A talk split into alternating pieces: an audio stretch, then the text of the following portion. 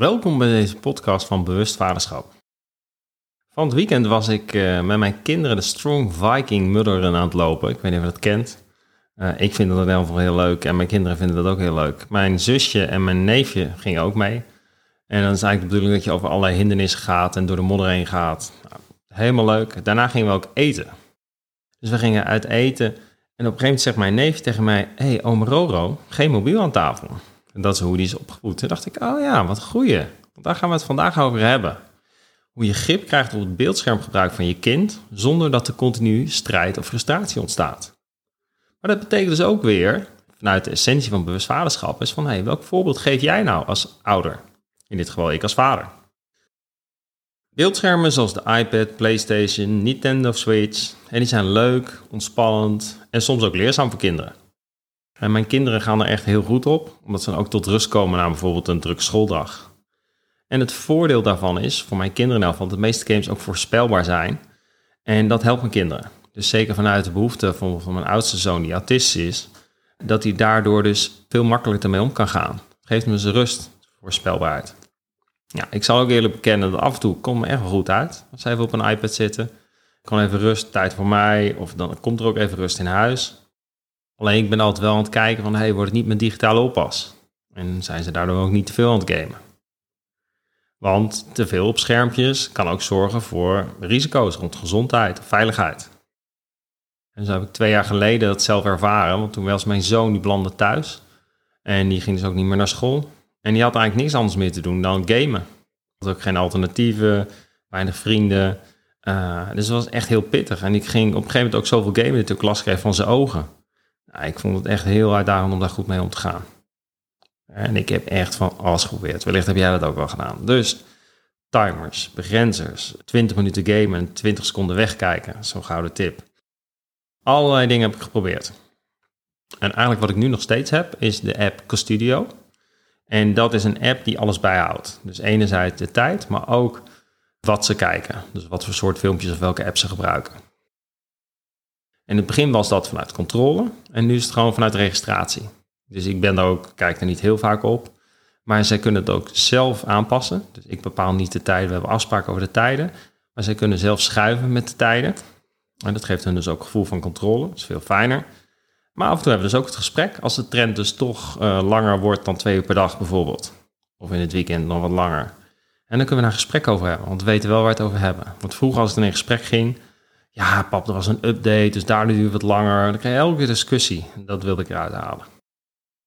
En inderdaad kan ik ook zien wat ze gamen, zodat we daar af en toe ook gesprek over kunnen hebben.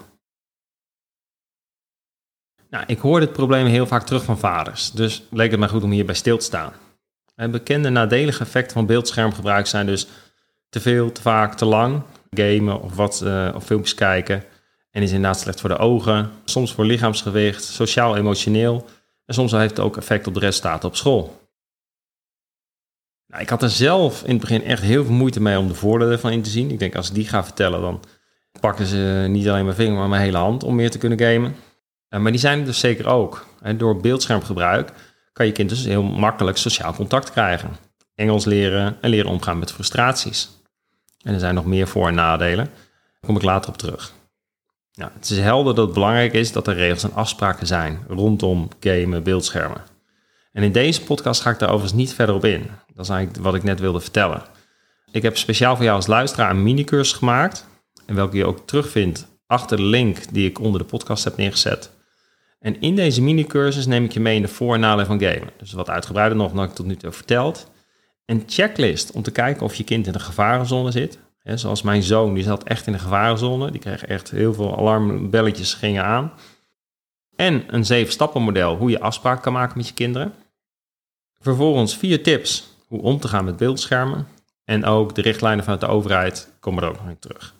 Ik hoop dat je daar heel veel baat bij hebt. En dat kan je gewoon helpen eh, heel veel kinderen vinden het fijn, die houden ja, maar mijn vriendje mag het wel. Nou, dan op een gegeven moment heb je je richtlijnen over uh, hoe het werkelijk gaat en wat werkelijk handig is om te doen. Nou, met deze tips kan je dus hele goede regels en afspraken maken. Alleen mijn eigen ervaring is dat de echte verandering in iets anders zit. Dus als ik die vader word die constant op de regels zit met mijn kinderen, word ik ook niet blij van. En daar wil ik het in deze podcast met je over hebben. Dus de essentie van bewust vaderschap is dat opvoeden niet alleen over je kind gaat, maar net zo goed over jezelf. Door bewustzijn als ouder te ontwikkelen, kan je kind zichzelf zijn. En zich ontwikkelen volgens zijn of haar pad. En misschien is dat wel dat hij meer gamet of meer met technologie bezig is. Anders dan jij in gedachten had. Het vraagt dus ook inzicht in jouw triggers. In je eigen, en ook inzicht in je eigen opvoeding wellicht. Om te voorkomen dat je alles onbewust doorgeeft aan je kinderen. Nou, om twee voorbeelden te geven. Ik had op een gegeven moment een vader in de training. En die zat er echt heel strak op. Die zei half uur per dag, that's it. En heel strak, streng, terwijl het gewoon een hele lieve, aardige vader is. Dus het viel me op dat er lading op zat. Toen ben ik dat ook gaan doorvragen, gaan onderzoeken. Wat speelt er dan? Want zijn kinderen hadden er ook last van. Die ervaarden ook een oordeel op het kijken van een filmpje van een half uurtje. En na doorvragen bleek dus dat hij een alcoholverslaafde broer had. En dat hij dus bang was dat zijn kinderen ook verslaafd zouden raken aan, in dit geval, aan het gamen of aan, aan filmpjes kijken. En dat maakt dat hij zo heftig reageerde. Nou, ander voorbeeld hoe je je eigen opvoeding kan doorwerken, is dat ik bijvoorbeeld een vader heb gehad die vroeger is gepest. En dat hij hierdoor overbeschermend werd richting zijn kinderen. En dit betekende in de praktijk dat hij de kleren ging bepalen voor zijn kinderen door de week. Dus dan ging hij een inschatting maken of de combinatie goed was, zodat ze zo min mogelijk gepest konden worden met hun kleding, omdat hij daar zelf vroeger last van had gehad. En in het weekend mogen kinderen wel zelf hun kleding uitkiezen en hun eigen ding doen, maar door de week bepaalt hij dat dus. Dat heeft dus effecten, dat werkt door op je kinderen. En niet op een positieve manier natuurlijk. Het belangrijkste is, hij maakt geen verbinding, want het gaat over hem. Dus je kan dus alle regels en tips over opvoeden kennen. Alleen als je dus niet bewust bent van de essentie van bewust vaderschap, is de kans groot dat je nog steeds niet echt contact hebt met je kind en dat je opvoedt vanuit angst. En bewust vaderschap gaat over het begeleiden van je kinderen, waardoor ze meer zelfrespect, meer zelfvertrouwen bezitten. Dus meer ook zichzelf kunnen zijn in hun keuzes. En dat ze dus leren om erg enthousiast over zichzelf te zijn en zich betrokken te voelen bij de wereld. En als je kijkt naar de beeldschermen, dus wellicht luister je deze podcast en herken je ook een aantal dingen die ik vertel. Uh, waar ben jij nou bang voor? als jouw kinderen te veel op een scherm zitten of ze kijken niet de goede dingen. Hoe, wat gebeurt er dan bij jou? En dus losstaand van algemene positieve voor- en nadelen, gebeurt er nog wat anders bij jou? Waar ben je bang voor? Nou, ik ga er zo meteen verder op in. Een van de dingen die belangrijk zijn in, dit, in de wisselwerking met je kinderen, zeker als ze met beeldschermen zijn, is dat je bewust bent van jouw triggers. Dat zijn dingen die je kinderen in dit geval vooral niet bij je moeten doen. Ik vind het altijd leuk als ik een training vraag stel, uit, wat zijn je triggers en wat het allemaal kan zijn. En dus nou, niet luisteren, niet opschieten, negeren, schreeuwen, uh, niet te veel, te weinig, te snel, te traag, niet gezond eten. Ouders hebben heel vaak een thema zelf met eten en dat projecteren ze op hun kinderen. Maar eten is echt altijd gewoon vragen om triggers. Daarom zijn die maaltijden altijd zo gezellig. Maar heel vaak ook een kans, overigens, voor kinderen om aandacht te vragen. Alleen op een negatieve manier. Afspraken niet nakomen of inderdaad niet luisteren op het moment dat ze moeten stoppen met de iPad. Nou, het bewust worden van jouw triggers helpt je om te voorkomen dat je geduld verliest en boos wordt. Iets wat ik bijna standaard terugkrijg van vaders dat ze daaraan willen werken. En eigenlijk dus of inderdaad niet boos worden, op een andere manier automatisch onbewust reageren door te oordelen, af te keuren, af te leiden, stil te worden, af te haken. In elk geval gedrag in te zetten waar je zelf niet vrolijk van wordt, maar je kind ook niet. Nou, dat patroon wil je gaan doorbreken. Dus mijn vraag aan jou is, wat zijn nou jouw triggers? Eerste vraag. Dus wat moeten je kinderen nou vooral niet bij je doen? Waarvan je dus vanaf nu weet, als dat gebeurt, doe ik even een stapje terug. Ga ik even naar een andere ruimte, maar dus bewust. En in plaats van dat ik ga reageren. En wat is nou kenmerkend voor jou, hoe je reageert richting je kinderen als je iets niet leuk vindt? Welk gedrag zie jij jezelf dan inzitten? En dat is ook leuk, want dan kan je ook aan je kinderen vragen. Wat doet papa als hij iets niet leuk vindt of lastig vindt? Nou, als je hier dus bewust van wordt, kun je er iets aan gaan doen. En leren hoe je ermee om kan gaan, zodat het zelfs minder of dat triggers helemaal geen impact meer op je hebben. En dus die, ook die negatieve gevoelens dus uitblijven. Op het moment dat jij je geduld hebt verloren en boos bent geworden, en dan uiteindelijk kan ook weer schuldgevoel in jou ontstaan. Shit, heb ik het weer gedaan. Tenminste, dat gebeurt dan heel veel bij mij. En soms nog steeds. Nou, zo heb ik bijvoorbeeld ook een vader begeleid. En die kon eigenlijk door hier aan te gaan werken, kwam die ook terug met de boodschap. Ik vroeg, nou, gaat het nu dan? En ik zei, ja, mijn, mijn twee zonen die vinden me ook aardiger en gezelliger. Hè, sinds ik niet meer direct reageer, boos word enzovoort. Dus hij reageert niet meer af op zijn kinderen. Nou, en op de site kan je zijn filmpje en verhaal teruglezen. Die vader heet Wouter. En nu we dus inzoomen op jouw rol als ouder, als vader, wil ik stilstaan bij vier zaken. In deze podcast behandel ik er twee, en in de volgende podcast nog twee. Dus de eerste twee zijn die oordeel en angst, onderliggende angst.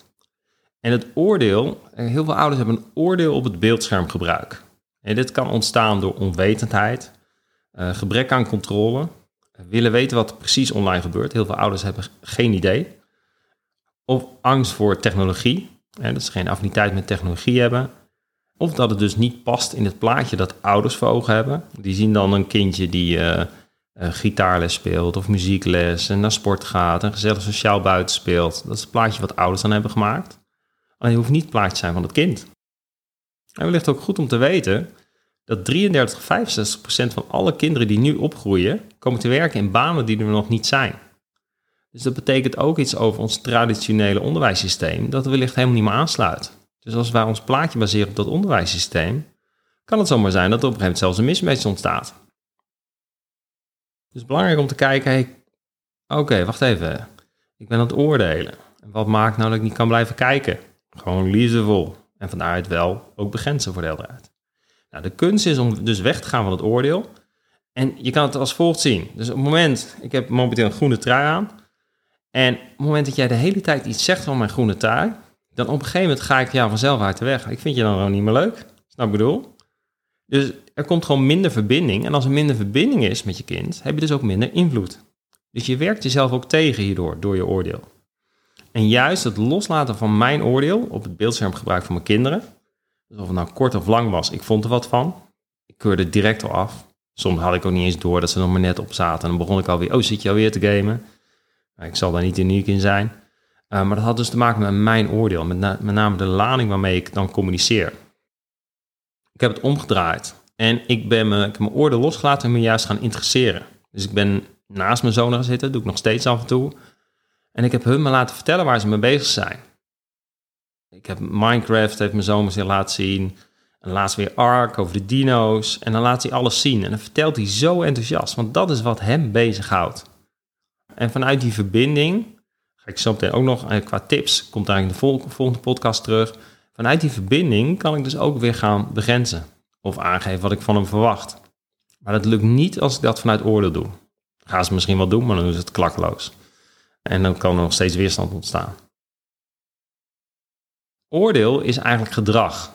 En dat ontstaat bijna altijd vanuit een onderliggende angst. Dus op het moment dat je er iets van vindt, onderzoek dan waar je bang voor bent. Maak er contact mee. Deze angst is van jou. kind triggert je, maar die angst is van jou. Je kind doet geen luikje open, gooit angst naar binnen. Het is in het kader van bewust vaderschap niet handig om je kind hiermee te belasten. Waar jij bang voor bent. Ben je bijvoorbeeld bang dat het niet goed gaat op school als je te veel schermt? Of dat hij geen sociale contacten heeft? Of dat hij uiteindelijk geen goede baan krijgt hierdoor? Nou, als je bewust bent van je angst, kan je deze voor jezelf parkeren. En hierdoor ga je dus niet die lading richting je kind communiceren. Dan kan die zelfs helemaal verdwijnen. En dan, zonder angst zonder lading, kan je heel duidelijk gaan communiceren. Die is heel belangrijk het moment dat je dat dus niet helder hebt, communiceer met lading, komt de boodschap niet goed over. Maar als je het helder hebt, kan je zeggen, oké, een uur is een uur. En dat doe je dus met absolute zekerheid. En je zal erbij moeten blijven, bij die grens. En vervolgens ga je verbinding maken. Ga je samen lol hebben. Ga je je kind ook een eigen ritme laten ontdekken. Mijn kinderen hebben dan echt schakeltijd nodig. Dus soms help ik erbij. Dan zet ik speelgoed stiekem al klaar. En dan worden ze makkelijker verleid om wat anders te gaan doen. Maar het is dus niet gebaseerd op presteren of op mijn verwachtingen. Dus samenvattend, er is een wereld van verschil tussen onze kinderen laten genieten van een filmpje of een game hè, in hun vrije tijd, dan dat ze daar een toevlucht in vinden om ze af te leiden van een eigen gevoel of in dit geval van ons. En dat betekent dat het schermpje wordt gebruikt om rusteloosheid of verveling te troosten. En zo leren we onze kinderen afhankelijk te maken van externe hulpmiddelen om hun angst te verminderen. Dat is niet handig. Nou, hiermee zijn we aan het einde gekomen van deze podcast. En de volgende keer gaan we hier verder mee. Maar ik hoop in elk geval dat je hier al genoeg uit hebt gehaald. Zowel in de praktische sfeer in de minicursus, als de diepgang gericht op jouw eigen stuk. En hoe zit ik daar nou in? Hoe reageer ik in de wisselwerking op mijn kinderen? En eigenlijk bedoel dus hoe kan ik nog meer invloed uitoefenen op mijn kind? En dat doe je dus altijd vanuit verbinding, niet vanuit oordeel. En dat zal je zelf ook zo ervaren in jouw relaties. Nou, ik wens je heel veel succes. Mocht je nog dingen hebben, ervaringen, dingen die heel goed werken, deel ze vooral. En tot de volgende keer.